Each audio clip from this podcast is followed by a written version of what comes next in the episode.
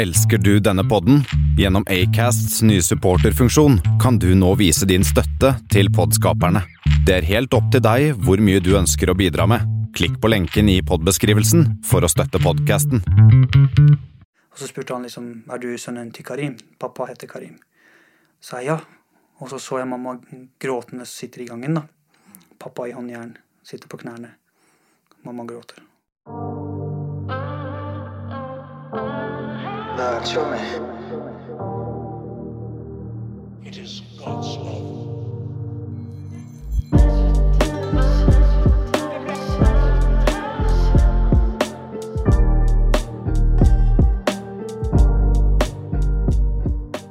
Hva det går i? I dag har jeg besøk av en meget interessant showmate som har en spesiell og sterk historie. For ca. ti år siden, rundt 2011, kom han til Norge som flyktning med sine seks eh, søsken og mor. Starten i Arendal var tøff med tanke på alt de hadde vært igjennom før de kom til Norge. Et liv med uro og bekymringer, en oppvekst i flyktningleiren i Iran krigen i Afghanistan og det å miste pappaen sin som en ung gutt på elleve år. Men siden han kom til Norge, så har Shomien rukket eh, på kort tid eh, lært å snakke flytende norsk. Han har vært engasjert og jobbet for Røde Kors, Kirkens Bymisjon, hatt aktiviteter på Blå Kors sin familiecamp, jobbet som parkourtrener og jobber nå på Skyland trampolinepark i Arendal. Det her er en ung mann som drømmer om å inspirere barn og unge på Sørlandet, og skape et positivt miljø for mestring og samhold. Mine damer og herrer, det her er Reza. Velkommen, Tjommi. Godt å se deg. Jo, tusen hjertelig takk. I like måte. Du sa Reza eh, helt riktig, eller var det litt mer latine Det var litt mer latina. eh. Amigo, Reza. Nei, Reza, men vi sier Reza. Er det greit, eller? Ja, det går helt fint. Du, tro- du er tross alt gjest hos Gino Bless her, så vi, Ja. eh, vi Bare sier det sånn. Kjør på. Kall meg for Reza. Reza, Reza. Du, Reza. Hvordan går det med deg? Du, jeg har det veldig bra. Um, har vært i dag med min sønn. Vi har vært eh, på jobb mens jeg har jobba, så har han vært på trampolinen og hoppa og kost seg i flere timer. Og når jeg er med han, så er energien alltid på topp. Er det akkurat som pappaen sin? tre hakk mer. Tre hakk altså, mer, han, er, han er veldig gira. Pappa ser på det. Pappa han er jo den alderen der. Ja. Så han er veldig eh, Hva skal jeg si? Jeg må, jeg må følge med, jeg må se, og så må jeg, må jeg være, vise at jeg er stolt. Ja. Viser jeg ikke at jeg er stolt, så må jeg se en gang til. ja. Og selv om det er krevende, men det er gøy. Hvor gammel er han? Han er tre og et halvt år. Tre og et halvt år? Ja. Samme som min sønn, det. Ja, Det er god stemning. Samme som Isak igjen. Men du, Reza, la oss gå rett på sak. Mm. Du kommer fra Afghanistan. Yes. Var det der du eh, vokste opp? Nei. Nei. Jeg har vokst opp i Iran. Uh, Jeg har bodd i Iran, i en by som heter Mashhad. Og der vokste jeg opp som, altså som afghaner, da. Så vi, jeg husker ikke så mye av uh, livet før Iran, da. Jeg vet ikke Altså, jeg kom til Iran som tre-fireåring, tror jeg. Jeg vet ikke, jeg er litt usikker. Mamma har aldri fortalt den delen, for den, den delen har ikke vært en del En historie eller en, en, en fortelling av livet. At der, der, det ikke har vært interessant for oss eller for henne å fortelle, for det har vært bare vonde minner. Det har vært krig, og det har vært elendighet, men eh, Ja, for det var derfor eh, mor og dere flyktet til eh, Iran? da? Ja, pappa og mamma, rett og slett. Vi flytta Altså, da jeg var små, de flytta med fire-fem barn. Og så fikk de to andre søsken i Iran, da. Den flykt, flyktningleiren, eh, var det en stor leir? Hvor mange mennesker bodde der? Altså, eh, vi, altså Jeg tror vi bodde i den leiren i ett år eller noe. Jeg er litt usikker. Men vi bodde i et område der det var bare afghanere. Det var nesten samme som flyktningleir, bare at det var vanlige hus i Iran. Altså, vi, vi, det var afghanere sin, sitt område, da. Ok, Så det var på en måte en eh, slags landsby? da, eller? Ja. Det var mye mennesker der? Ja, den byen Mashhad heter den, men det var en del så, Se for deg da Kristiansand, så har du Slettheia. Det er ghetto. Okay. Det er der, det er sånn det Hvis jeg ser for deg da, hvis jeg klarer å tegne et Ok. eh, bilde av det, da. Ja, Men var det mange tusen mennesker der? Ja, ja. eller? Altså okay. bare eh, befolkningen i Mashhad er jo tre-fire millioner, så det er tilsvarende Norge. Oh, Sinnssykt. Såpass, ja. Ja, så um, jeg vokste opp der. Uh, jeg gikk på skole frem til jeg var elleve år gammel. Mm. Men eh, det var tøft, rett og slett. Det å på en måte kunne face det at du er eh, innvandrer, Mm. og du er eh, Altså, jeg er muslim, Mm. hvis jeg får lov til å kalle meg det. Jeg er sunnimuslim, så har du shia-muslimer som bor i Iran, da. Mm. Og det, det var jo en, et av de konfliktene som var mellom afghanere og iranere. Er det noe annet jeg kan hjelpe? Hei, Siri. Hei, Siri. Vi er midt i en podkast. Gidder bare kulene her. Jeg bare tar og slår av Sirien her, hvis det er greit for dere som eh, hører etter nå. Fantastisk. Ja. Men tilbake til uh, Iran her, Shami. Eh, Ja, så det var, flyk, eh, altså, altså det var konflikt mellom, mellom oss, fordi vi var jo selvfølgelig flyktninger, da. Mm. Så jeg gikk på skole, måtte høre at jeg var afghaner, måtte komme til H vekk. Og jeg hadde ingenting å gjøre der. Store ferien så var det gjerne de plaga meg, jeg plaga de. Og Ja, Var det mye konflikter der òg Ja, ja, ja, fordi vi var, jo, vi var jo ikke velkommen. Ok. Vi, vi hadde jo flykta fra vårt hjemland, og vi var i de sitt land. Det var liksom dere tar vår jobb, og dere tar maten vår, og ditten og datten. Så det var veldig mye sånn, da, i det området jeg vokste opp. Men den følelsen du hadde som en eh, Du var jo bare barn. Ja. Altså liksom Mm. fram til du er elleve år. Hvordan var dagene der? Var, hver dag var det mye usikkerhet og mye uro og Det hvordan, kunne, altså, det Hvis du kunne, kan beskrive det litt, grann, da. ja, det, det kunne være dager der du på en måte Det var greit fordi at kanskje du slapp å gå på skole. Eller det kunne være dager der du kom ut av huset og grua deg til å møte han nabogutten fordi du visste at han var en Han var liksom en bolle, holdt jeg på å si. Mm. Og ja, plaga deg, slo deg. Vi har slåss, liksom. Vi, vi slåss jo. Så du slo tilbake igjen og Hvis jeg, hvis jeg kunne. Det var liksom tre mot én, fire mot én. Det var jo sånn hvis han plystra på, så kom jo det fire-fem stykker. Så det var jo mindre tall. Ehm, det var sånn som de sier, 'survivor of the fittest'.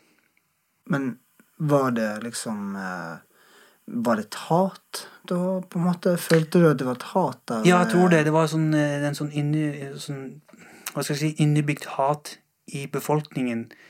Der på en måte, Jeg tror ikke det var folk i sitt skyld, men det var mer myndighetene som hadde lagd det der bildet av oss flyktningene som var der og tok jobben og så, og så videre og så videre. Mm. Det ble jo liksom sagt fra far Altså det ble fortalt videre fra far til sønn, da. Hvis, hvis, eh, Mm. hvis jeg sier det sånn, da. Ja. Men At uh, ja, de afghanerne de kommer hit og tar jobbene våre, så de tar plassen vår, så de gjør det og det. Men det, det, det, det viktigste var jo at vi var Vi er jo afghanere, eller afghanere som bor i Iran, er kjent for å jobbe hardest. mm.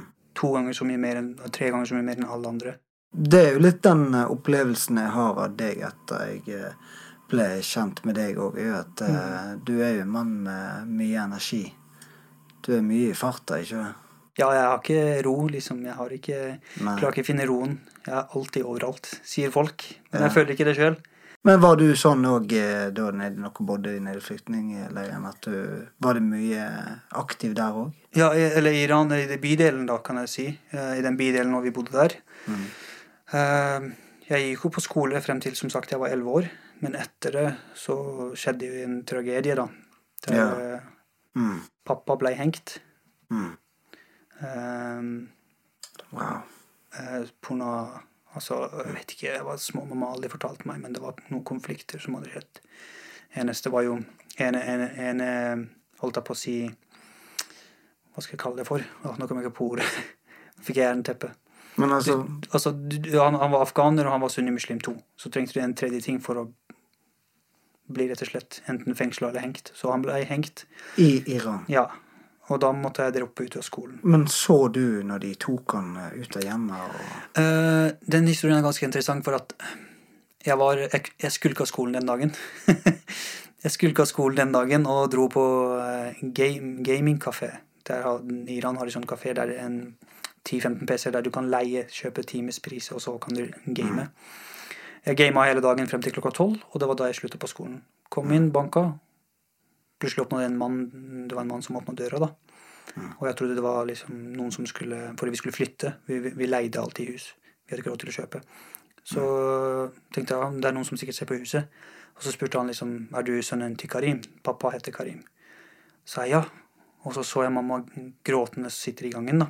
Mm. Pappa i håndjern. Sitter på knærne. Mamma gråter. Og da skjønte jeg Jeg vet ikke, men jeg skjønte at Shit. Et eller annet må det være galt. Og det føltes veldig galt ut. Det føltes at dette her var slutten, da. Og pappa var i også På den tida da pappa ble tatt, så var jeg ti år eller noe, tror jeg. Eh, Da var jeg yngre, i hvert fall. Så husker jeg pappa var i, fengsel i et års tid, eller noe sånt rundt der. Spesielt øhm, eh, husker jeg veldig godt at øh, jeg gikk på besøk for siste gang. visste jo ikke det var siste gang, da, men jeg gikk på besøk til han, og så ga han en skikkelig klem. Så Han favna meg og ga meg en sånn den varmeste klemmen som jeg kunne få. Jeg husker det fremdeles. Så gikk det en måned. eh, etter den dagen så fikk jeg høre at han var hengt. Men da var jeg på jobb når jeg fikk høre det. Og da var du elleve år, Ja. og du var på jobb Mm. som en elleveåring. Ja. Wow. Um, og så gikk det to dager, vel, eller en, en eller to dager, så gikk jeg og onkel og fetterne mine og tok han, skulle ta han imot, da. Han var jo eh, Vi fikk lov å gå inn og se han, da, og så gikk jeg og klemte han, men den, den varme klemmen, den var ikke der. Jeg klemte en Hva skal jeg si? Det var is. Det var ingenting.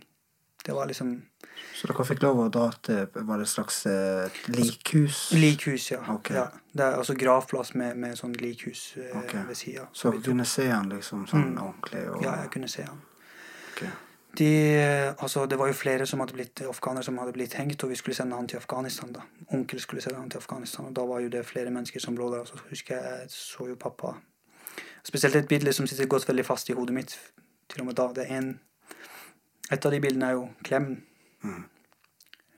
Uh, varm og kald klem, de to. Og så er det uh, merket til tauet, da. Som var rundt halsen og blod i nesa til pappa.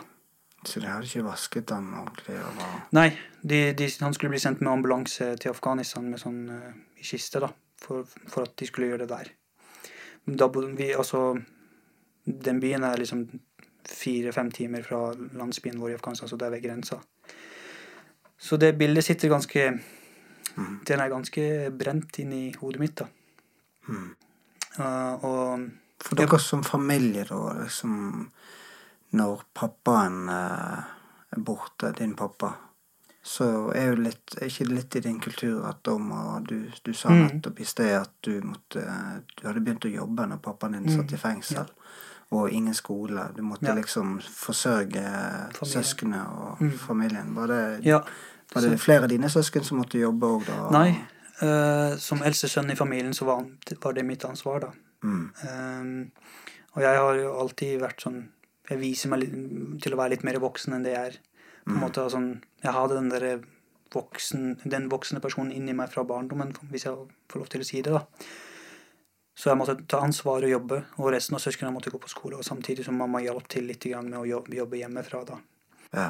Eh, Så vi prøvde å forsørge familien, men det var ikke lett. Og vi måtte sende de andre på skolen fordi vi ville at de skulle gå på skole og ta utdanning. Men for min del, så Når pappa ble hengt, så ga jeg opp, ga jeg opp livet, da. Det, det var akkurat sånn som noen knipsa, og så forsvant fremtiden. For da bodde dere fortsatt i denne Iran. leiren i Iran? Eller i den- den den bydelen, da. Ok. Eh, livet forsvant for min del, da.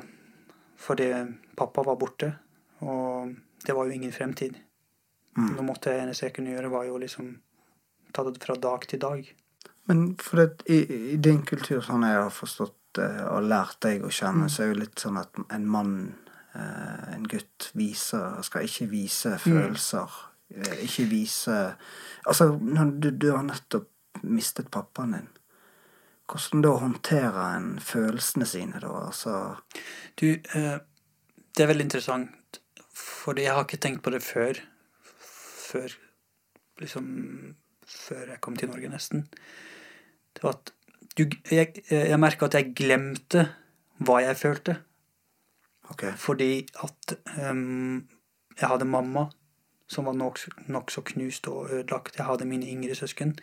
Og yngstesøstera mi var fire måneder da pappa ble hengt. Wow. Altså Det var liksom Du glemmer, glemmer deg sjøl, og samtidig så var jeg en mann, fordi alle sa du, du er mannen i familien. Og, og når jeg besøkte pappa eh, når han var hengt, og så, sånn, de sa ja, menn gråter ikke, du er stor mann, og du må Du var, ikke du bare alvor. Ja, det That's it. That's how life is. Du må akseptere det. Ja, I Norge er jo du fortsatt barnet som en elleveåring, liksom. Ja. Det er ganske stor kontrast i forhold til eh, det jeg har vokst opp med og sett rundt meg. Mm. Og, eh, men da videre, da, når eh, etter dette her, og i Altså- den sorgprosessen dere gikk igjennom? Altså, hvordan klarte dere å samle krefter og fortsette reisen videre? For nå er jo du her i Norge, Mm. og hva skjedde da etter at eh, pappaen din eh, døde? Et, altså, veldig mange ganger så blir, blir jeg spurt hvem er helten i ditt liv, hvem er det du ser opp til? Mm. Og så sier jeg største helten noen gang i mitt liv er min mor. Fordi at i den prosessen der så klarte mamma å tenke.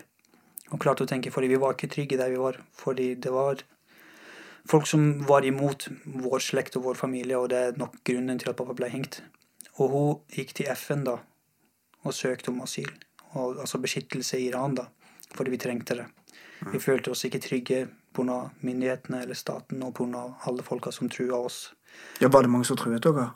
Ja, jeg tror, altså Mamma har aldri gått inn i detaljene, fordi hun vil ikke at Jeg vet at hun ikke vil at vi skal føle oss utrygge fremdeles. Okay. Men noe, det er mye hun ikke vil snakke om. Men jeg vet at jeg har fått høre at vi har på en måte fiender Mm. som ikke mamma vil snakke om.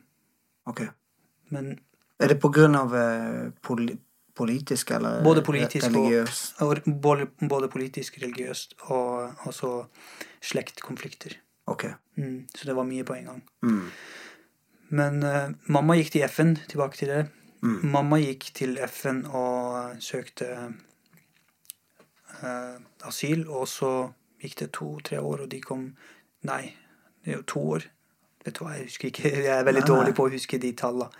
Men det gikk en stund, da, og så kom de fra FN og hadde snakket med mamma og sjekka hvordan vi hadde det, og skulle sjekke liksom på en måte Ja. om det var hvordan vi hadde det, da.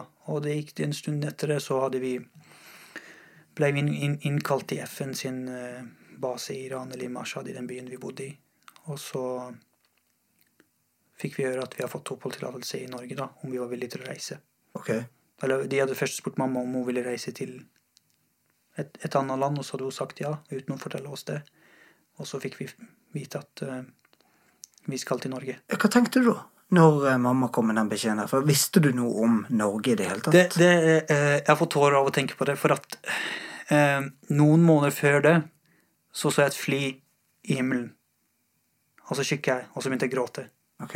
Og så sa jeg liksom Gud, jeg vil bare vekk herfra. Og jeg, jeg, jeg blir rørt akkurat nå. Mm. Jeg bare kikka Wow. i himmelen og bare Jeg vil vekk herfra. Vil- hadde, det var på en måte Ja. et ønske om å var, var det, Hadde du et lite håp før dette her skjedde? Nei, jeg hadde, hadde mistet alt. Du hadde mistet alt. Alt var mørkt.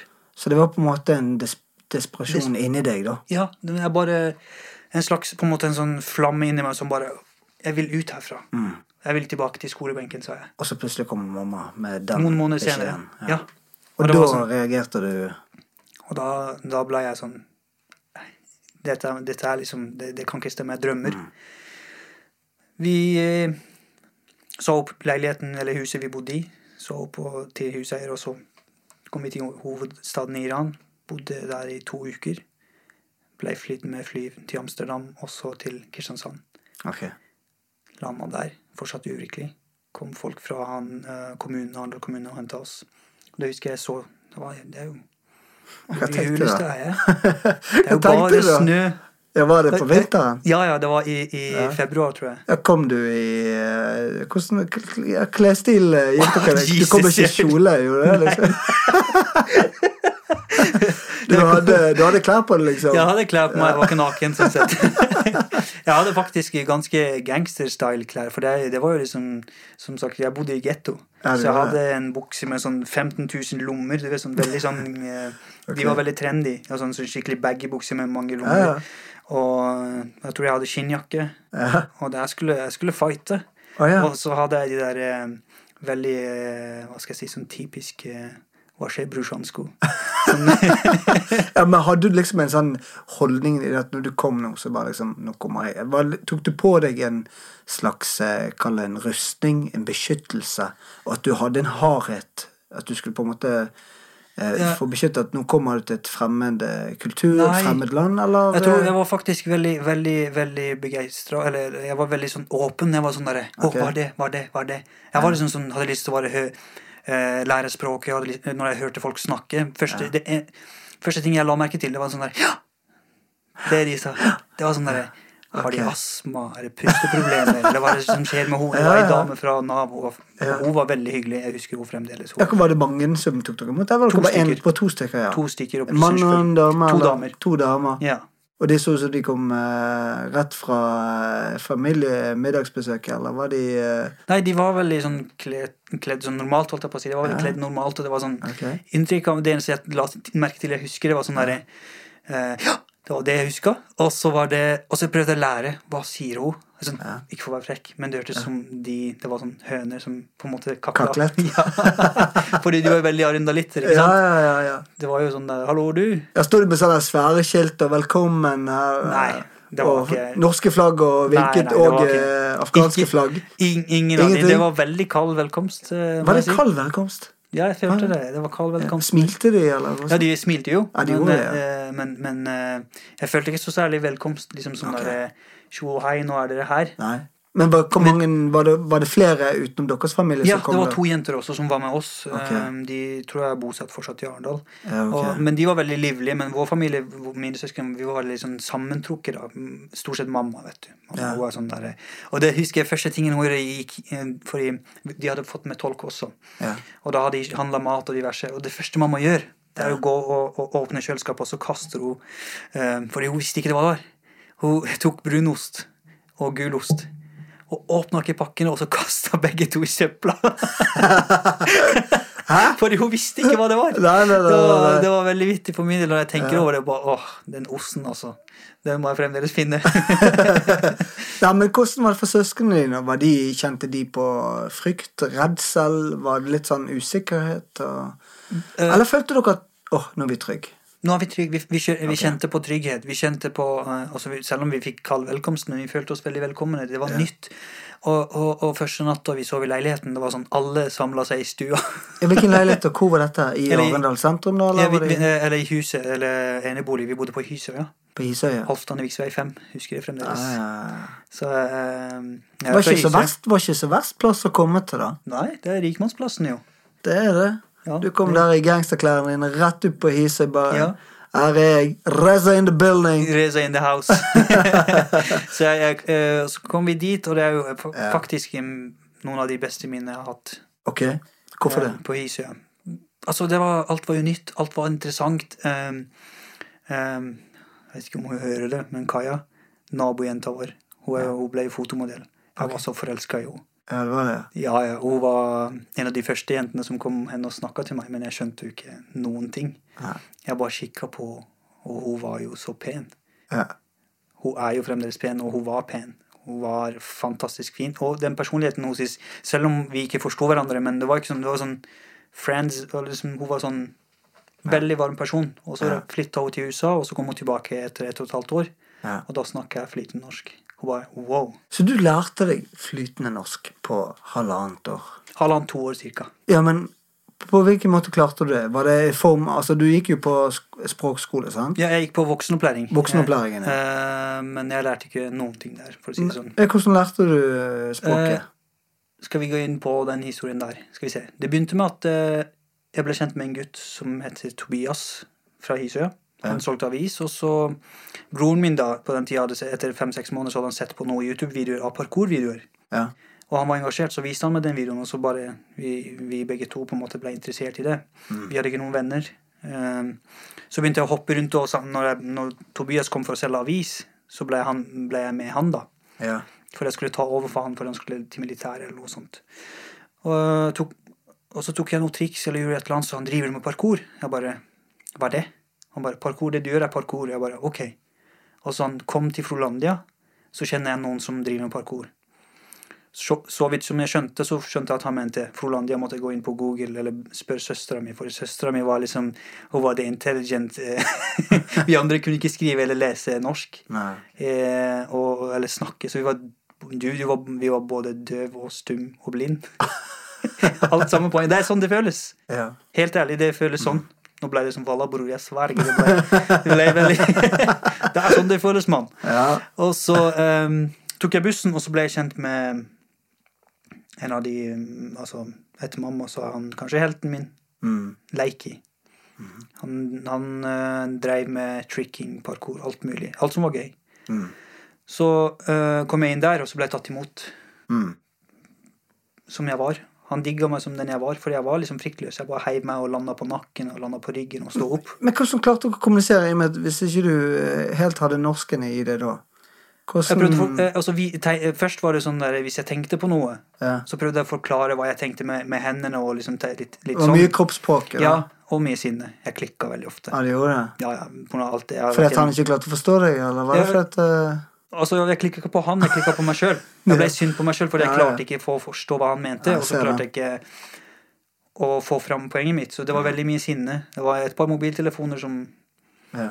forsvant der. Som gikk i gulvet. Gikk i gulvet. Har du bare, bare et lite innspill. Har du gått på sinnemestringskurs etter det? Jeg har gått på sinnemestringskurs. Du har det? ja. Ah, Tjommi, tjommi, hæ? Learning by doing. Yes, that's Men how ok, it is. så du, du begynte å henge mye med han, og begynte å plukke opp uh, mer og mer uh, språket. Norsken. Norsken, ja. ja. Og, og, og um, begynte å plukke opp ikke bare norsk språk, men kultur. Black metal, heavy metal, kvelertak, Ghost Inside. Altså, det er jo ikke norsk. det er så sprøtt å høre på det her. At, eh, rett fra Afghanistan til kveletak. Ja, og, ja, fra Afghanistan til kveletak. Det Ja. kan du si. Ja. Uh, Det er ganske hjem... stor kontrast i forhold til musikken der nede. Ja, det er liksom det altså, altså, Jeg ble mobba for musikken jeg hørte på. Hva er det du hører, hører på? Det er bare sånn der Ja, ja, ja. uh, Det var sånn Mayhem var interessant, Vikinger og Thor og Odin og alt det Ja. Alt det der, det var veldig interessant. Jeg syns det var så kult. Mm. Jeg var liksom Jeg, blir fremdeles Jeg, blir, jeg kaller meg sjøl for Raven. Altså Ravn. Mm, Raven Dark. Okay. Det, det var mitt kallenavn. Så det er der kallenavnet kommer fra, ja. Ja, ja, ja. Okay.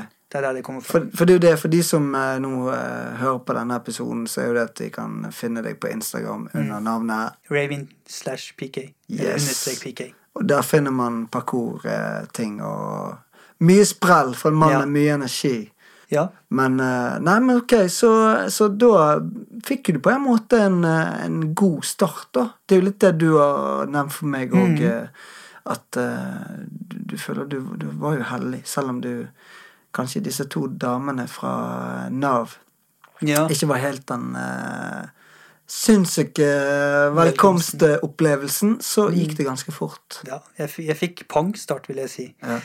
Jeg traff jo verdens hyggeligste og snilleste gjeng. Uh, Leiki, Kevin, Mm. Kim.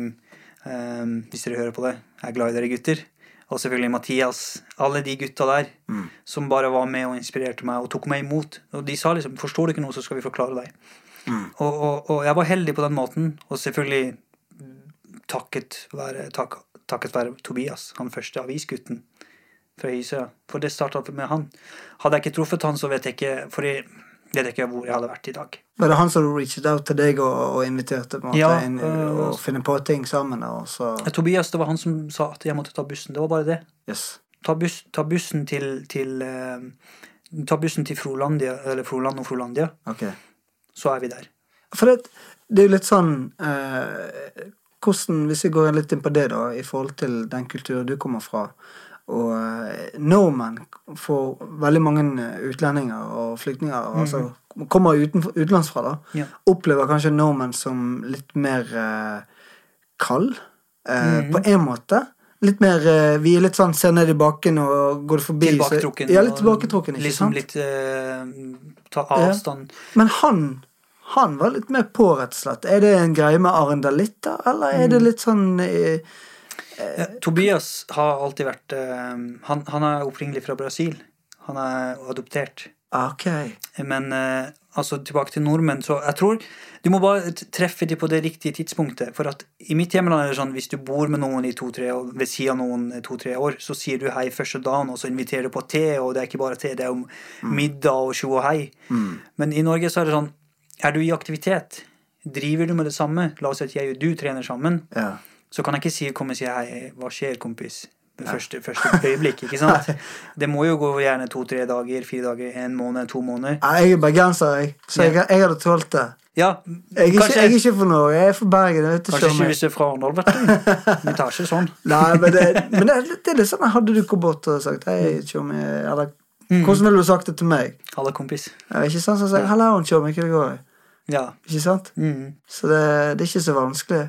Ja så eh, jeg tenker, eller jeg har opplevd det som at eh, hvis du driver med noe aktivitet og driver med et eller annet, så har du, har du muligheten til å bli kjent med folk. Men er du, la oss si, fra Afghanistan og henger bare med dine afghanske venner, og that's it, og så skal du forvente at nordmenn skal komme hen, hen til deg og snakke til deg Ja. It's det, det vil aldri skje. Altså, det vil jo kanskje skje hvis du er heldig. Men eh, sånn som her nå i byen, og det er jo flere afghanere som Mm. bor her, eh, blir det sånn at man holder seg til sine egne Mm. Ja. mest? Ja, er, er, er, du si, ja, afghanere, er, er dere flinke til å prøve å invitere nordmenn inn i deres eh, på en måte oss- liv og, ja, og hverdag? Med oss afghanere eh, vil jeg si at vi er, vi er en av de nasjonene som, som på en måte har klart oss ganske bra. Vi har, de fleste av oss studerer eller har fast jobb eller har høye stillinger. Og så har vi på en måte klart å få ta til oss språket og kulturen. Og jeg- vil si at det finnes i alle kultur og nasjonaliteter der det er liksom noen som er tilbaketrukne og vil beholde sin Altså, vi er afghanere, jeg skal være afghaner og aldri forandres. Men hvordan skal jeg si det? Altså Jeg har jo noen venner, eh, har hatt og har, på en måte som står veldig på at vi er afghanere og skal aldri bli norske, og du er så norsk. Og så har, jeg noen, så har jeg noen venner som er på en måte sånn derre Ja, kan ikke du bare glemme den forbanna kulturen? Ikke sant? Um, og nå bor vi i Norge, kan vi ikke bare legge det bak oss? Men jeg har på en måte prøvd å finne en balanse i begge. Ja. Tror ikke det, det er litt sånn viktig òg i forhold til den uh, kulturarven som du bærer Mm. med deg. Sant? Det, det, det er på en måte der din identitet er. Samtidig som at uh, Som du sier, nå er du i Norge, og, eh, og du er en ristart i livet. Ja. Og, og, men på hvilken måte klarer du da å, å ha den balansen, da, som du sier litt nå, at du uh, jeg har ikke, For å være helt ærlig så har jeg ikke klart å finne den balansen. Jeg tror jeg har vært mer norsk enn jeg har vært afghaner, rett og slett. På hvilken måte, da? Altså, Da har du et godt poeng på hvilken måte. Uh, altså, jeg, jeg gjør ikke de vanlige tinga som på en måte afghanere gjør. La oss si at sitte en fredag kveld og invitere noen andre afghanere og se og hei og danseparty og alt det greiene der. Eller være så opptatt av politikken i Afghanistan selv om jeg bor i Norge. Er, er det en greie? Ja, greie. Dansepolitikk? Altså, De samles og danser Ja. og har det gøy, og så er det noen andre på andre sida som er veldig opptatt av politikken. jo I Afghanistan så er det veldig Ja. konflikt mellom forskjellige folkeslag. Og, og så diskutere politikken og bli sure på hverandre. Så er det sånn, Vi bor i Norge, og jeg gidder ikke å bry meg om det der. Men det er klart, det er jo gjerne noe som preger mange afghanere, i og med at det er jo tilbake til den eh, Mm. når USA kom inn i ikke 2001, Ja, når eller- jakten på Osama bin Laden startet, og Al Ja, Qaida eller, og eller før der igjen, ikke sant? for russerne tok over. Så Mm. Ja, ja. Sovjetunionen som tok over, og Stemmer. alt det greiene der. og folk... øh, Det har altså- vært mye konflikt. Så vi har hatt krig siden tror jeg, 40 år. 40 år, 50 år har vi hatt krig. Eh, og det fortsetter fremdeles. Og når, min, altså når du nevnte i stad identiteten, da. Mm. Jeg vokste opp i Iran. Eh, og når jeg bodde i Iran og gikk til afghanere, så sa de at du er en, iraner fordi jeg har vokst opp der. Og når jeg flytta, flytta til Norge, og så sier de at du er utlending. Ikke sant? Og, og når jeg drar til Iran, så sier jeg at du er afghaner. Og når jeg drar til afghanere, så sier jeg at du er iraner. Og når jeg kommer til Norge, så er jeg utlending. Så jeg behører Altså, til, til, jeg, jeg, hører, jeg hører ikke til noen plasser, men jeg føler at liksom jeg er mer nordmann enn det jeg er kanskje afghaner eller iraner. For at jeg, Den dagen på en måte jeg kom hit, eller den dagen pappa, i, pappa ble hengt, ikke sant, så ble jo alt det andre sletta. Fordi jeg, som, som jeg sa, det ble mørkt. Det ble Ja, ingenting var liksom viktig lenger. Og når jeg kom hit, så tenkte jeg nå er det nytt start, nå skal jeg være ny, ny person. Men eh, selvfølgelig har det ikke Det har, det har ikke vært, vært lett heller å være så lett som jeg fortalte. Nei, for, for det du sier nå, sånn som du har det, men hvordan er det for dine søsken og din mor? Uh, altså Han ene broren min, han er etter at pappa, eh, pappa Hendelsen med pappa, så han har blitt preget av det, og fremdeles er det. Han er veldig sitter i rommet sitt og spiller og gamer og har ikke så særlig lyst til å på en måte være involvert Mm. i samfunnet, da. Eh, mens andre søsken heldigvis Han ene studerer i Bergen og skal bli eh, professor, som han sier. Jeg heier heier på han. hvis du hører Sjafkat. og en, en annen søster som driver Eller hun eh, studerer, tror jeg, sosionom. Og så har jeg lillebror som ja, går på lærling som eh, industrimekaniker, tror jeg. Mm. Så de, de, de har Alle har takla på hver sin måte, men det som har vært litt vondt å tenke Vi har aldri satt oss sammen, ikke før i det siste, før vi har blitt voksne, og snakka om den, det vi har vært gjennom, eh, og åssen de har takla det. Men alle har takla på hver sin måte. Noen har sittet hjemme og har bare vært med seg selv, og noen andre har vært mer sånn som meg, da. Det er jo litt sånn vi mennesker er. Altså, vi dealer med følelser på forskjellige måter, men det er jo kanskje litt ekstra vanskelig gjerne for i og med at eh, den kulturen dere kommer fra, hvor man ikke snakker så mye om følelser. Nei. At uh, det gjør kanskje det stort litt vanskeligere òg for andre, eksempel broren din, da, som er mer hjemme, da. Mm. Så kan jo òg det på et tidspunkt løsne ved at uh, du som eldstebror kanskje går foran med et eksempel og våger å sette ord på ting, da. For det, er, er det en sånn uh, machokultur i dette her? At en sånn greie at man skal holde skjoldet oppe og vise styrke? Mm. Eh, men jeg meg og deg har jo snakket litt om dette tidligere, men det er ikke litt styrke i òg å kunne sette ord på ting for å løfte opp andre og for å få ut følelsene. For hvis ikke blir du på en måte en sånn der eh, Tikkende bombe. Tikkende bombe, ja. Ja, det tror jeg det, Det blir. Godt sagt. Eh, altså eh, Hvordan skal jeg si det? Nå fikk jeg jernteppe igjen. Altså, det, det å snakke om følelser, uh, spesielt som mann, det er ikke, det er ikke en ting i altså der, altså der jeg vokste opp, da. Og det er jo ikke det er, ikke, det er ikke mandig. Du skal ikke gråte, eller du skal ikke snakke om følelsene dine. Du skal liksom være tøff, og du skal ikke føle noe. Ok, når det, nå har det skjedd, så har det skjedd. Du skal legge det bak deg. Men jeg ser det som svakhet når du ikke kan snakke om følelsene dine.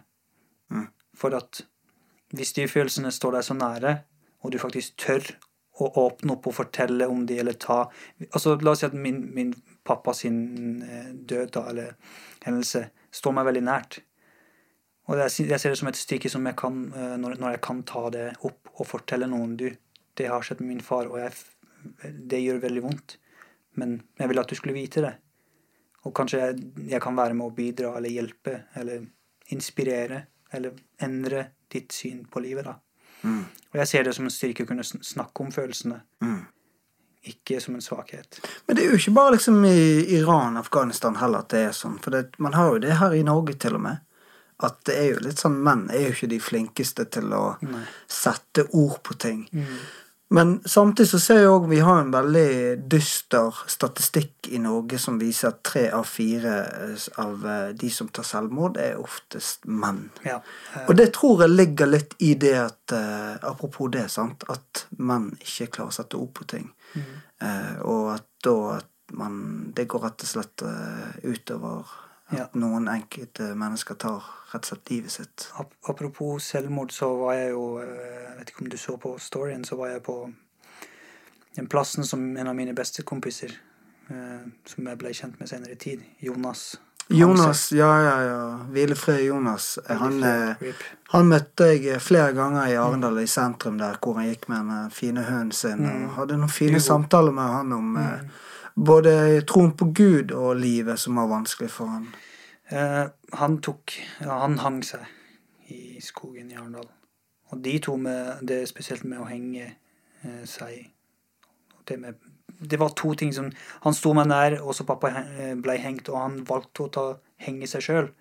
Det var sånn det, det Jeg klarer ikke finne ut av hvordan skal jeg liksom hvordan skal jeg finne roen i disse to, men jeg prøver å liksom Jeg har sånn indre krigen i meg sjøl, da.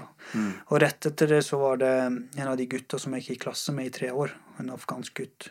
Um, Willy i Abdullah også. Han, eh, han hoppa ned fra Tromøybrua. Wow. Um, og han kjente jeg. Den mest blideste gutten.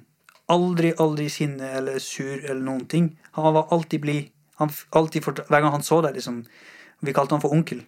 Og han sa alltid sånn 'Hva skjer, onkel?' Han sånn, sa et eller annet joke. 'Kom ikke i hånda mi, onkel. Jeg er onkelen din.' Eller sånn, I vår kultur sånn, de som er eldre enn deg, så skal du liksom respektere de sånn 'Ja, hva skjer, onkel?' Han var alltid blid. Men så plutselig Så tydeligvis så hadde han et eller annet eh, var- som var eh, vanskelig for han å Mm. deale med i livet. Ikke sant? Og derfor mener jeg på at liksom, det å snakke om følelser er ikke svakhet, det er styrke. Nei, det er styrke. Du, eh, jeg tror ikke du løser noen ting ved å ikke snakke om det, eller bare Men ikke litt sånn òg, Reza, i forhold til troen. sant? Altså, jeg tror på Gud, på, på Jesus og du, Mm. sant? Og det er jo litt der jeg Når jeg har det vanskelig, så Mm. Og når jeg har det godt òg, så kan jeg sende en bønn til Gud og takke Gud Mm. for at jeg har mat på bordet, tak over hodet. At jeg har en familie og Uansett, liksom. Men òg når jeg har det vanskelig, da. ja. For der finner jeg litt styrke. Hvordan er det for deg, Reza? Ikke litt sånn at innenfor, din tro, da? Mm, jo, Ikke litt sånn at dere kan hemme til Gud og be Gud. om styrke og be om styrke og hjelp og, og, og, på en måte altså, Det er en ting jeg har lagt merke til med meg, ved meg sjøl, eller ved, ved oss mennesker òg, det er jo at vi som regel går tilbake til Gud når vi har det vanskelig. Mm. Eh, Det er interessant hvorfor er det alltid lettere det enn når man har det bra. Er det kanskje litt fordi da går ting så på autopilot at du ikke bare sant? flyter? Du glemmer det. Du glemmer litt Mm. det som på en måte kanskje er eh, grunnmuren i livet ditt, da. Nettopp. Men har, har du, når du har hatt det vanskelig, da For du har jo opplevd mye traumer i oppveksten i livet ditt Mm. som, som du sier sjøl, er med og preger deg. Men du sitter jo her som en oppreist mann, og livet går jo for så vidt bra. Ja. Men hvordan har du eh, Hvordan eh, føler du at det hjelper å be? Eh, I det siste så har jeg ikke vært så flink til å be, da. Jeg ba jo en periode, og Altså, kontakten med Gud har aldri vært vekke, men jeg har hatt liksom Som eksen min, hun var veldig religiøs, da. Min eksmor til min sønn. Hun konverterte jo, valgte jo den derre Ga meg et syn på religion at jeg ble liksom sånn der Jeg fikk litt sånn kalde føtter, da. Som, som gjorde at jeg fikk litt sånn avsmak, da. Men så i senere tid, når jeg, jeg og hun gikk fra hverandre og fant hver vår vei, så har jeg vært, har jeg vært tilbake, og det er liksom Sier jeg liksom Ja, men jeg har ikke begynt å be igjen. Men jeg har fremdeles Gud i hjertet mitt, og jeg tenker at det er en sånn personlig connection mellom deg og Gud som bør, bør få lov til å være der. Mm. Og hvis du ønsker om det, så må du åpne det. Men uh, hvis du har ønske om det. Men uh, Gud har alltid vært med meg. Og han har til dagen i dag så har han sett hva jeg har i hjertet mitt, hva jeg har opplevd, hva jeg har i ryggsekken min. Og derfor har han på en måte latt meg møte deg, latt meg møte Leiki, latt meg møte alle de fine menneskene som jeg har møtt i dag. Og, jeg, og jeg tror alt vi opplever i, i livet, er nok en grunn for det, for at Gud vil det. Jeg tror ikke jeg hadde vært her, jeg hadde vært den jeg er i dag, hvis ikke det hadde vært for det jeg har opplevd. Og det tror jeg det var, det var Eller Gud hadde en tanke ved det. Mm. Tror du på at uh, vi mennesker har uh, Vi har jo uh, Vi kan jo hver dag ta valg. Mm. Sant? Vi har fri vilje til å ta gode Mm. eller dårlige valg. Eh, hva er det som driver deg til å ta valgene i hverdagen? Tror det, det spørsmålet har aldri blitt spurt, men eh, tenkt på det. Jeg har tenkt på det. At er det tilfeldigheter, alt jeg har eh, gjort? Og, men jeg tror det, det følger hjertet. Og den, den, den fø- følger den godheten inni seg, og selvfølgelig tenker på um, La oss si at du vil gjøre noe for noen. Gjør det på den måten som du skulle ønske noen skulle gjort det for deg. Det var litt komplisert sagt, det var en komplisert komplisert Jeg setning, synes det var veldig fint sagt, jeg. og samme som på jobb, eksempel, når jeg skal lage mat til noen, eller skal gi, selge noe til noen, så, jeg, så gjør jeg det så godt jeg kan, for jeg tenker at det er meg som skal kjøpe det. Jeg står på andre sida. Og når du skal gi noe til noen, tenk at du skal ta det imot sjøl seinere i tid. Mm. Det er ikke at liksom Ja. Men for meg, jeg blir liksom eh, Jeg sitter her litt med beundring, da, av deg, Reza. For det, det å miste pappaen sin og kamerater som velger å avslutte livet sitt og komme til et nytt land Altså, jeg kan liksom prøve å sette meg litt inn i hva du har opplevd, og for meg da høres det ut som det har vært mye smerte. Uh, og når du nå kommer inn på det her, hva er det som styrer dine valg, ikke sant? Altså, hvordan kan man klare det å ta det som har vært vondt i livet til noe godt og positivt. da? Hva er det som bor i hjertet ditt, eh, Reza, som gjør at du sånn som du brenner for å hjelpe andre? Eh, Jeg tror nok det var Det, det er mye av pappa som ligger ved meg. For jeg, jeg husker jo han fortsatt. Jeg husker jo hvordan han var som person. Ehm, Jeg skrev en tekst, jeg har på telefonen, som jeg ville gjerne lese hvis det var mulighet for det seinere, eller hvis du vil det nå. Ehm, Jeg tenker vi kan avslutte episoden med deg, faktisk. Ja. Så kan ta til slutt. Eh, Den er ganske vond, da, for at uh, pappa var jo sånn han, han var på en måte Hva skal jeg si, Han sa aldri direkte, snakka aldri om Gud eller religion. Han ba fem ganger om dagen, som alle muslimer gjør. Jeg så han aldri sint. Jeg så han aldri sur på noen. Han var på en måte den mest rolige hvis du, hvis du var rundt pappa, så var du på en måte Det var sånn, fred. det, det var sånn fred. Det var var, ro. Det var trygt. Ja. Og han hadde, no, han hadde ikke noen konflikter med noen. Mm. Det er det som gjør vondt at han ble Jeg skjønner aldri hvorfor han ble hengt. Liksom. Det, var, Mm. det var ikke noen konflikt i pappa. Det var ikke noe Han viste meg den verden, på en måte, den gode sida av å være menneske. Altså, han ved, ved, ved å gjøre, ved å være, ikke ved å si, ved å fortelle, men ved å være. Yes, preach. Det er det. Det du sier der, er noe som jeg eh, ligger mitt hjerte veldig nært, og som jeg håper jeg kan strekke meg mer etter. At istedenfor å ha masse ord Og det er veldig vanskelig for bergensere, for vi er jo kjent for å snakke veldig mye. Men det er noe med det der fra ord til handling. Fra tro til forvandling. Mm. Ikke sant? Mm. Det er noe med det der eh, Practice what you preach. Det er, det er virkelig For de mennesker som klarer det, det er virkelig Det er forbilder. Det er ledere. Så jeg kan forstå da, Reza, at uh, du hadde jo en pappa som satte dype spor i deg, og som kanskje er med å prege deg mer enn du tenker over, da. Ja. Så, så um, det, Og nå videre nå, for nå Altså, du har jo vært innom eh, Kirkens Bymisjon, Røde Kors og Blå Kors og sånne ting. Hvordan har du havnet inn i de eh, type jobbene der, hvor du er med og, og driver forebyggende arbeid? Altså, før, det, før uh, Røde Kors og sånn, så var jeg jo parkourtrener i uh, turnforeninger i Arendal, Grimstad, Kristiansand, Ja, ikke sant? Uh, i Vennesla. Ok. eh, og har vært med starte en parkourorganisasjon, bygde parkourparken på Hove, eller var med å tegne og engasjerte folk til å bygge. Har du vært med å bygge det her greiene i Arendal? Eh, På Hove. På så Hove, ja. var en av de gutta som var med og engasjerte på en måte noen av de politikerne i Arendal til å um, Wow, å respekt. søke. Og så var jeg med og, vi, var med å tegne og, og vært en, en en, Hva skal jeg si? Støttespiller for parkourmiljøet i Norge og vært okay. med og inspirert på en måte mange barn og unge til å drive med parkour. da, Ja. Og ikke henge på Mækkern. Mm.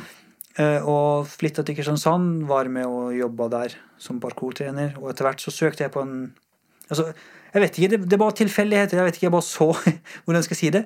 Det var bare sånn Jeg så den jobben i Røde Kors som eh, jeg søkte på, og fikk den jobben. Men før der igjen så var jeg med for, for Familie for alle via Røde Kors. Et prosjekt som de tar med eh, altså, innvandrerfamilier og okay. litt familier med dårlig økonomi Ja, på ja. ferie. Og jeg var innom der sjøl. ja. Og, og syntes det var så spennende og interessant, så jeg ville være med som leder. Men vil du si det at For det, det er jo litt sånn enten-eller. sant? Altså Hvis man kommer til en ny plass Du som har en veldig bagasje bak deg. Det kan liksom gå begge veier.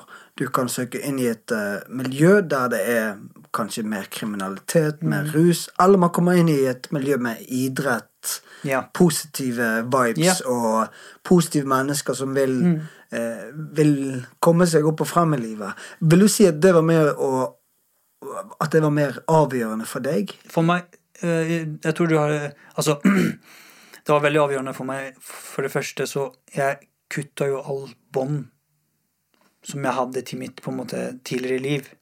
Altså, at jeg følte ikke at jeg var afghaner, jeg følte ikke at jeg var eldste gutt i, i familien lenger. Jeg følte ingenting. Jeg bare ville eksistere. Jeg ville, ville bare få altså, ny input. Okay. Så jeg kutta alt som var bak meg. Altså, jeg, jeg, jeg lot meg ikke dømme sammen av folk lenger. Og da valgte jeg å gå all in. Og det er nok det med at jeg traff sunne mennesker. Med sunne tanker. Ja. Uh, Og idrett, selvfølgelig. Det var det som avgjorde det for meg. Så kanskje det har vært med å være avgjørende i forhold til dine valg, da? Ja, På reisen nå, fram til der Ja. du, her du sitter nå, eksempel. absolutt. Altså, jobben jeg har i dag, jeg, driver, altså, jeg er assisterende daglig leder på Skyland trampolinepark. Har vært med og vært som prosjektleder og bygd Fantastisk. eh, parken. Eh, eller byggesjef. Og jeg, altså, jeg hopper på jobben, jeg trener på jobben, og jeg trener parkour, jeg hopper på trampoline, jeg har det gøy, og jeg jobber.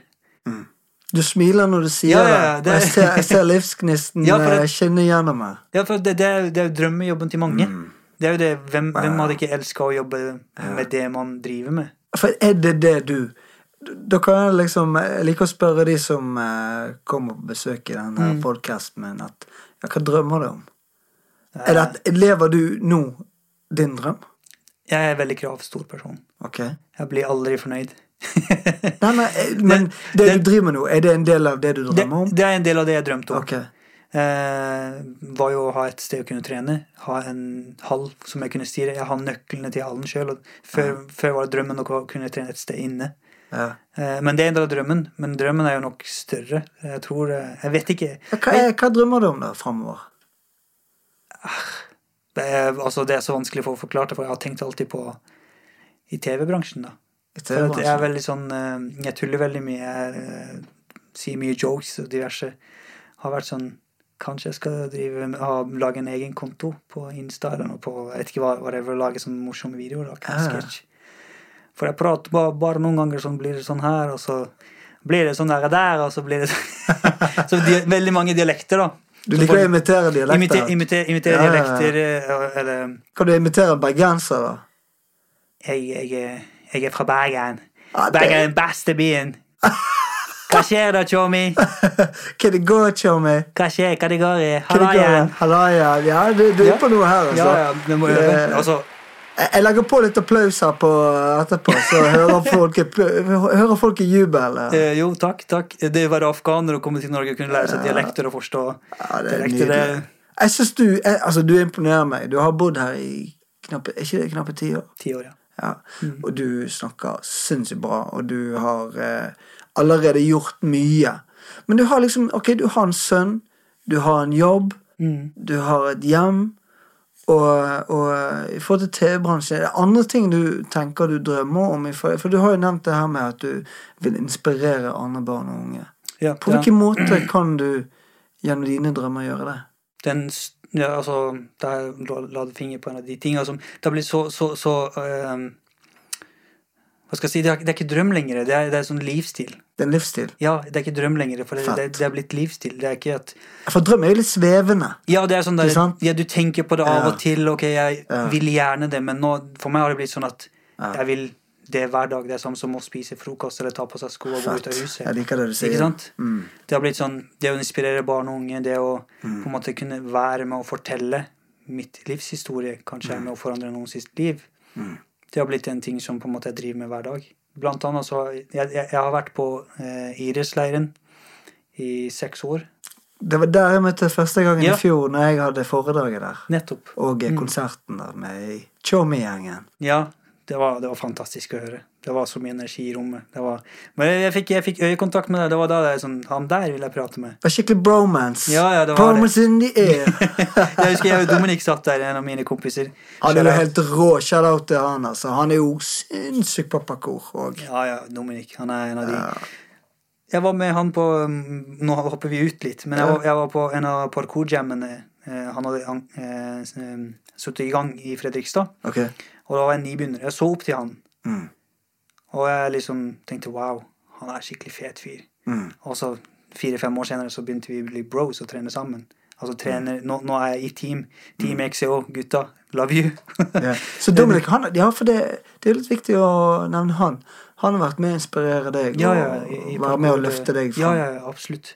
Så jeg så opp til han. Hvor stort er parkourmiljøet i Arendal eh, og ellers Norge nå? I, I Oslo og Sarpsborg og diverse Stavanger. Eh, det er grei. Altså, ikke så stort, men det er greit. Mm. Oslo Parkourpark og alt det gjengen der, de står veldig på. Men i Arendal, hvis jeg tør å si, så er det bare meg lenger. Det er ikke noe, Alle gutta har flytta til Oslo eller andre byer. Er det noe du ønsker å gjøre noe med? Ja. Har du lyst til å, I og med, For nå har du eh, den trampolineparken der du Mm. er med og styrer sjappen. Mm. Ikke det òg en plass hvor man kan eh, knytte opp mot å etablere klubb, da? Og, og eh, verve flere inn i dette her? Mm, ha litt konkurranser og litt Ja. opplegg, liksom? Inspirere, inspirere flere barn og unge. Ja. Og så driver holder jeg jo Eller vi holder jo et parkoursamling, eller um, uorganisert aktivitetssamling, som heter Urban Ung. Ja. Jeg og, jeg og Rolf. Rolf eh, Jacobsen, kjære til han. Yes. Bra mann. Bra mann, Med mye gode ideer. Gode ideer. Og spontane ideer. Gode Ja, verdier. Gode verdier. Så vi driver Altså, vi holder mm. Urban hvert år en gang i året. Mm. Og der har vi parkoursamlinger som skal være et, med å bidra og inspirere flere til å drive med uorganisert idrett. Mm. Det Fordi det er veldig mange som faller utafor den eh, organiserte idretten. Jeg var en av de som ble jo alltid kasta ut av fotball. Eh, og jeg, jeg er sinnssykt dårlig på å spille fotball. Men ja, var det derfor? At de bare Kanskje. var, ikke det, jeg, var ikke det vanskelig? Hardt slag i trynet? Liksom? jo, det var det. Og så eh, en av de triste tingene som har skjedd med meg, var jo at eh, jeg var veldig god til å spille håndball. Jeg er venstrehånd. Ja. Jeg kaster med venstre, så det var jo et pluss i boka. Det er Men- pluss i boken. Men på når jeg var afghaner og ikke var fra Iran, så ble jeg kasta ut Ja. av laget, skolelaget. Er det sant? Mm. Så jeg fikk, lov, jeg fikk ikke lov å spille, så jeg hata jeg kan si hata alt som hadde med ballspill å gjøre. Ok. Og derfor kanskje parkour ble en av de tingene der jeg var liksom Jeg måtte ikke prestere. Jeg måtte være meg sjøl. Du, du konkurrerer mot deg sjøl. Du skal bli en bedre person for hver dag som går. Enorm, det må være en enorm mestringsfølelse. Mm. Den der mestringsfølelsen, den der, det å få til, det å bli bedre enn det du var i går. Mm. Um, Og det er vel kanskje noe det mennesker, ungdom og altså generelt eh, vi alle trenger å, å føle, da. Det å mestre det at du betyr noe. Du er verdifull. Du er god. mm. Ikke sant? Selv om man kan si ja, du er god nok, men det er noe med det å strekke seg likevel til å bli bedre. Yeah. Men, men, eh, men sånn som du, da. Føler du at du er En, føler at du er verdifull? Jeg tror nok eh, jeg er det, for min sønn. Ja. For uh, før, før jeg fikk han, så var så jeg ikke hvor Altså, jeg var ikke fornøyd med meg sjøl. Jeg, jeg, jeg- jeg så ikke hvor mye, jeg- hvor mye jeg betydde for andre. Mm. Hvor mye jeg betydde for de ungdommene jeg inspirerte.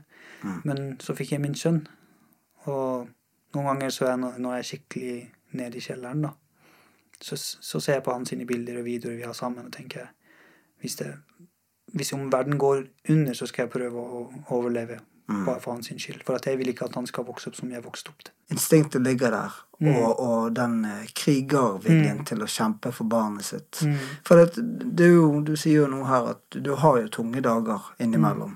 Absolutt. Det er jo ikke rart med tanke på alt det som har vært. Mm. Så, så, så da Jeg blir som ofte veldig Jeg blir sett smilende. Eh, Også i hvert fall eh, ikke av de nære, da. Jeg- De, Med de nære folk er jeg veldig åpen, men som regel så er jeg sånn der eh, Smiler og har hopper rundt og klatrer og skikkelig monkeyboy. Eh, og det er jo det for, Men folk ser ikke det som er bak. Hvorfor faktisk jeg klatrer eller hopper og skik, har skikkelig mye energi. Hvorfor gjør du det? For det er så mye sinne og, og, og, og tunge følelser som ligger der. Ja. Det er veldig mye, altså Noen ganger når jeg er skikkelig nede, så sier jeg til meg sjøl når jeg er ute og trene. Nå må jeg gå og klatre eller hoppe. Føler du at det hjelper? Det gjør det. For det er jo en ting jeg kan kjenne meg igjen i òg, at trening, Mm. drive musikk kreativt, Mm. gjøre noe, Ja. få utløp for følelsene sine, Ja. det er så viktig. Mm. Og det, det er jo litt sånn her eh, En uh, liten oppmuntring til de som uh, eventuelt hører på noe som har uh, lite å gjøre, eller kjenner at de kanskje ikke føler at de er gode nok eller strekker nok til. Så er det faktisk noe med det at eh, hvis du har en kjip dag, gå deg en tur til skogen. Ja, absolutt. Bare kjenn på luften, og, og sett på noe positiv musikk. Ikke sant? Um, Gjør et eller annet, i hvert fall. Ikke bare sitt i sofaen og, og surf på Netflix Netflix eller nettet. Ja. vi i Norge er noen av verdens Nei, vi i Norge er noen av verdens heldigste menneskene. Fordi vi har så fantastisk natur. Vi har, altså, skogen er rett ved huset vårt. Eh, og det har hjulpet meg virkelig. Det, jeg begynte å padle. Uh, kunne ikke svømme engang. Satte deg i Hæ? ja, Tok du sjansen? jeg tok jeg, jeg, jeg, altså, håper du hadde på deg redningsvest. Jeg hadde det beklaget til han uh, instruktøren som jeg sa at jeg kunne svømme. Sorry. Sorry, Shami. Jeg beklager veldig. Men jeg hadde redningsvest, og jeg hadde flytedrakt, holdt jeg på å si. Men eh, jeg var. Flytedrakt òg. Ja, ja, sånn, eh, altså, det, hva heter det? Tørrdrakt eller våtdrakt? våtdrakt, ja. Våtdrakt, jeg, jeg, jeg glemmer det. Men jeg, fikk- jeg, tok, jeg, jeg kan jo svømme nå, da, heldigvis. Ja, det er bare godt å høre. Hvis du skulle plutselig være med på en båttur med meg, så er det godt å høre at du Ja, eh, jeg kan svømme. ja. Jeg skal hoppe etter deg, altså, hvis du detter uti. Det, jeg tror ikke du behøver. Jeg flyter sjøl etter Ja, hvert. det er godt høre. Altså, det, det, padling, det med padling, og tur i skogen eh, altså, jeg, Den norske naturen har hjulpet veldig. Det har, Ja, for det, det er jo kanskje noe nå eh, som vi er i en pandemisituasjon, at det er kanskje veldig mange eh, nordmenn som tidligere reiste til Syden, da. Mm. Varmere strøk for at du Ja. skulle ha ferie. Mens nå er det sånn Nå er folk nesten blitt tvunget til å se på de ressursene og mulighetene du har rundt deg. Og det er jo som du sier, Norge har jo et fantastisk landskap, om det er med kysten eller på fjellet. Mm. Og det er noe med det bare å gå ut og utforske det, oppleve det, for det, det er noe helt eget. Til og med for meg som er vokst opp i blokk i byen i Bergen, ikke sant. Ja. For meg det er nå å gå ut i skogen, og nå har vi hytte oppe i skogen, og det er jo liksom Det er fantastisk, rett og slett. Vi er jo heldige. Det er liksom, folk betaler for å komme til Norge for å gå, gå på ferie her. Ja, japaneserne kommer jo ja, her, og de er jo kinesere kommer her. Ja, ja, ja, liksom, jeg sjøl har ikke vært på ferie siden 2000, eller utafor å si, Norden siden Ja. 2014. Okay. For jeg, jeg, jeg syns vi er sinnssykt heldige. Skjæragbolten, Preikestolen, Vestlandet, Stavanger. Du har jo liksom uh... Ja, men bare stopp der, da. Hvis du nå skal bare ha drømme... uh, din drømmeferie i Norge, Mm. hvor reiser du da? ta motorsykkellappen og kjøre fra Vestlandet og så forbi til eh, Bergen, og så oppover til eh, hva heter det for noe, Nordkapp. Ai, ai, ai, det blir en lang kjøretur. Det er det, men jeg er vant til å kjøre. Du er vant til å kjøre, jeg ja. kjørte motorsykkel i Iran. Gjorde du det? Ja, ja. Men den lappen der, den er ikke like gyldig her i Norge. Det fins ikke! Det Den, eksister, den eksisterer ikke. Ja, Hvordan lærte du selv? Kjørte du motorsykkel da du var elleve år? Ja, år? Øh, pappa kjøpte meg min første motorsykkelen min når jeg var øh, ni år, tror jeg. Og da knapt rakk. Det er så sykt. Jeg husker tærne, tærne mine, store tåer, rakk så vidt i bakken, så jeg måtte liksom lene meg på denne sida. Det var ikke så stort motorsykkel, men allikevel så Du falt ikke av sykkel? Det gjorde jeg et par ganger, men det var ikke, jeg kjørte ikke så fort. Ok. Ikke etter pappa døde. Og da valgte mamma å selge, fordi hun visste at jeg kom til å Ja, ja, ja, meg eller noen andre. Ja, ja, ja. Så Nordkapp, har du vært der? Nei. Nei? Jeg har bare sett det, men det er bare sånn en, et mål, da. Det er et mål, ja. Det lengste jeg har vært, er jo Trondheim, men da når jeg kjørte hjem igjen, så mista jeg lappen. Så Men den, den, den, eh, den kommer tilbake igjen. om en måneds tid, Så forhåpentligvis. godt tips til dere folk. eh, Hold fartsgrensen. Gjør det. Har du ADHD i høyrebeinet, kontakt Ja. legen din. Kontakt legen din. Eller gå deg en tur i skogen. Ja, det tror jeg det hjelper. Eller faktisk så hjelper det å ta en tur til eh, gokartbane. Ja, det òg. Ja, Det, ut eh, det er mye muligheter. Ja, eller sett deg eh, foran skjermen og spill eh, et bilspill og få ut litt altså, adrenalin. Altså, som parkourgutta sier, det eneste som stopper deg, er din kreativitet. Ja, det gir vi en liten Mm. uh, preach for. Yes. Men sånn ellers, da eh, Jeg har jo sånn her eh, Jeg liker å ta noen eh, fem kjappe hvor Mm. vi skal høre OK. Vil du høre på Topac eller Metallica? Topac. Oi. Gå fjelltur med vind og regn, eller chille på stranden med 25 grader med masse søte jenter rundt deg. Uh, der Jeg tar, jeg tar, jeg tar eh, fjellturene. Tar du fjellturen, Ja. selv om du er singel. Natur betyr så mye for deg. Mm. Ok, vi går videre. Spise kokt torsk, eller ta en tur på McDonald's. Torsk. Okay. Bergen by eller Arendal? Her bør du svare riktig. Arendal. Altså, jeg, jeg Arendal litt. Jeg tror jeg kan bare stoppe denne episoden her nå. jeg. Nei, ok, vi går videre. jeg beklager, Tjommi. Det går fint. det går fint. Jeg jo Jeg har ikke vært i Bergen før. Nei, men det går bra. Du, Vekka, når, når du eh, eventuelt tar turen til Bergen, så Mm. kommer du til å angre på det du sa nå. Nei da, vi er glad i Arendal. Vi er glad i Arendal òg. Men siste Coca-Cola eller kaffe? Kaffe.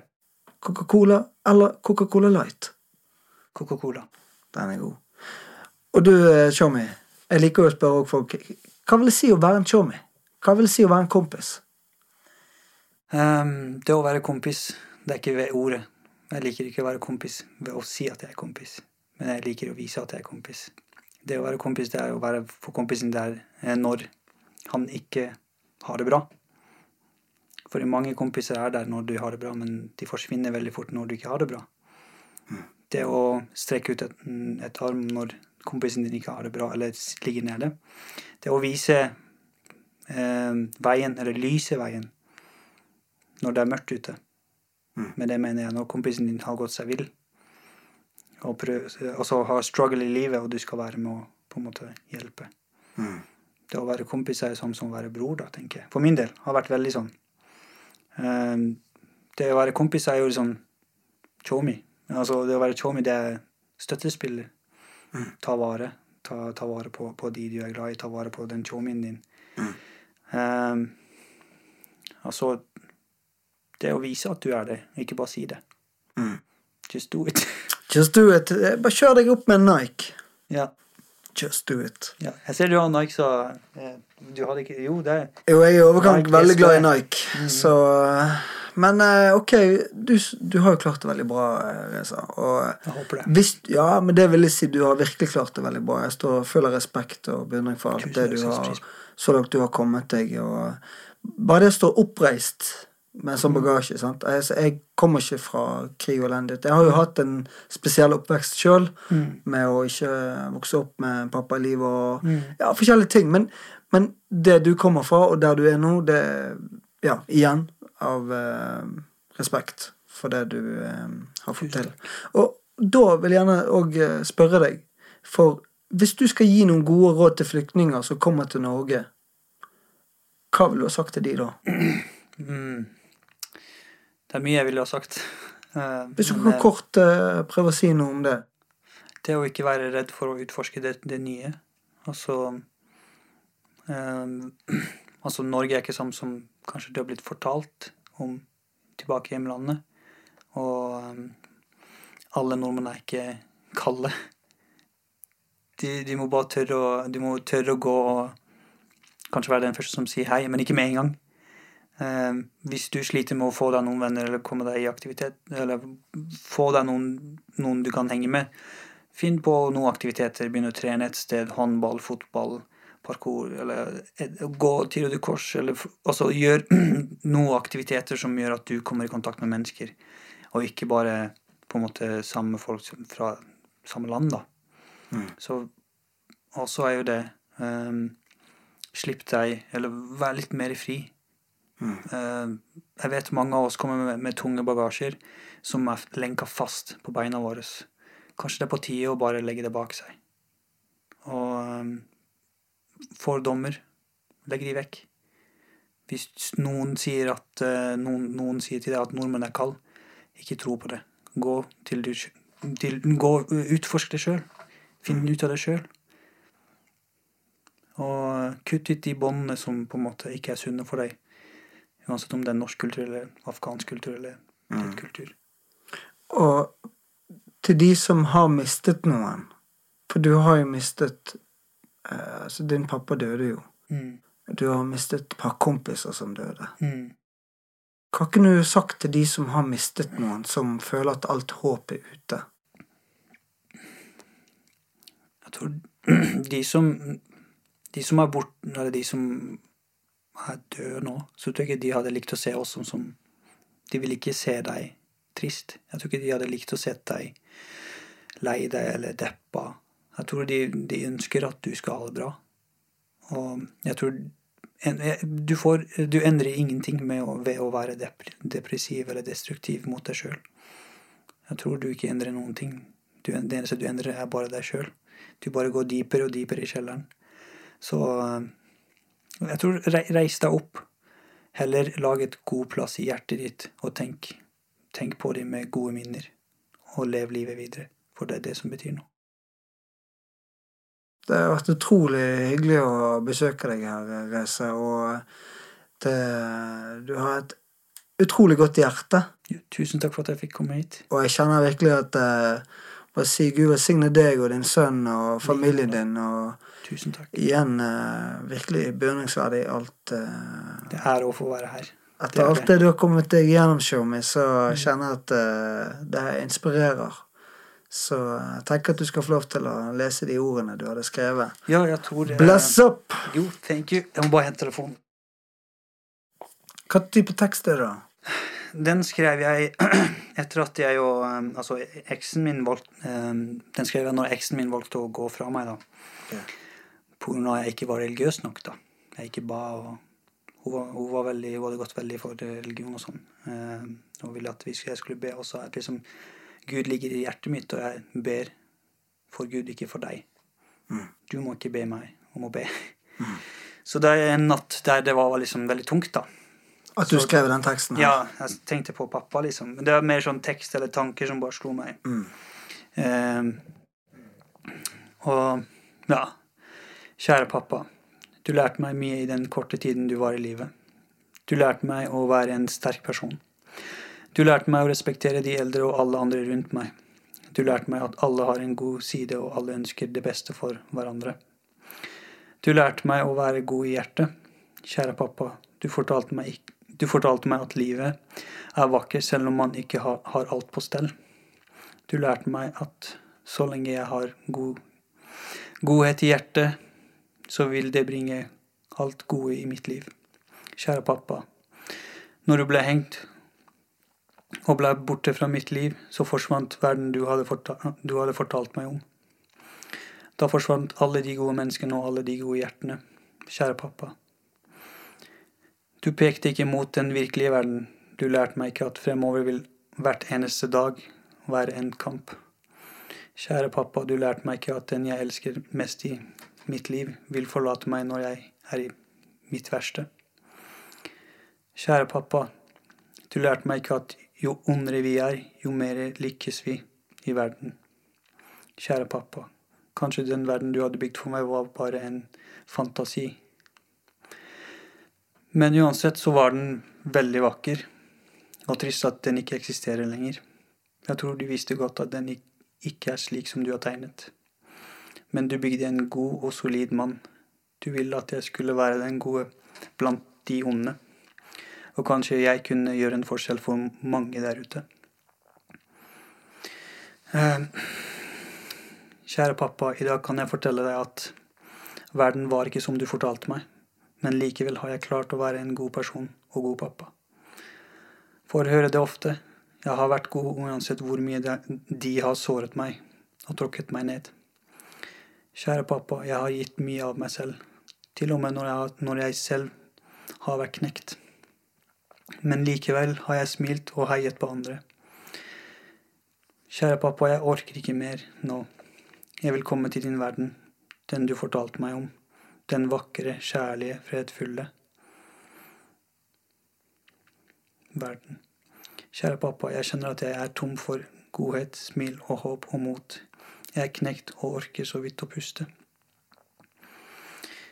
Kjære pappa, hvor vakker er den verden jeg lever i? Skulle ønske at du var her, og kanskje verden kunne vært like vakker som du fortalte meg om.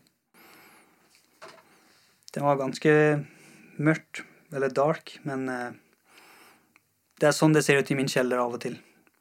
Og nå fikk dere kanskje lov til å komme inn og titte litt hva som kribler inn der. Det er sterkt, Shami.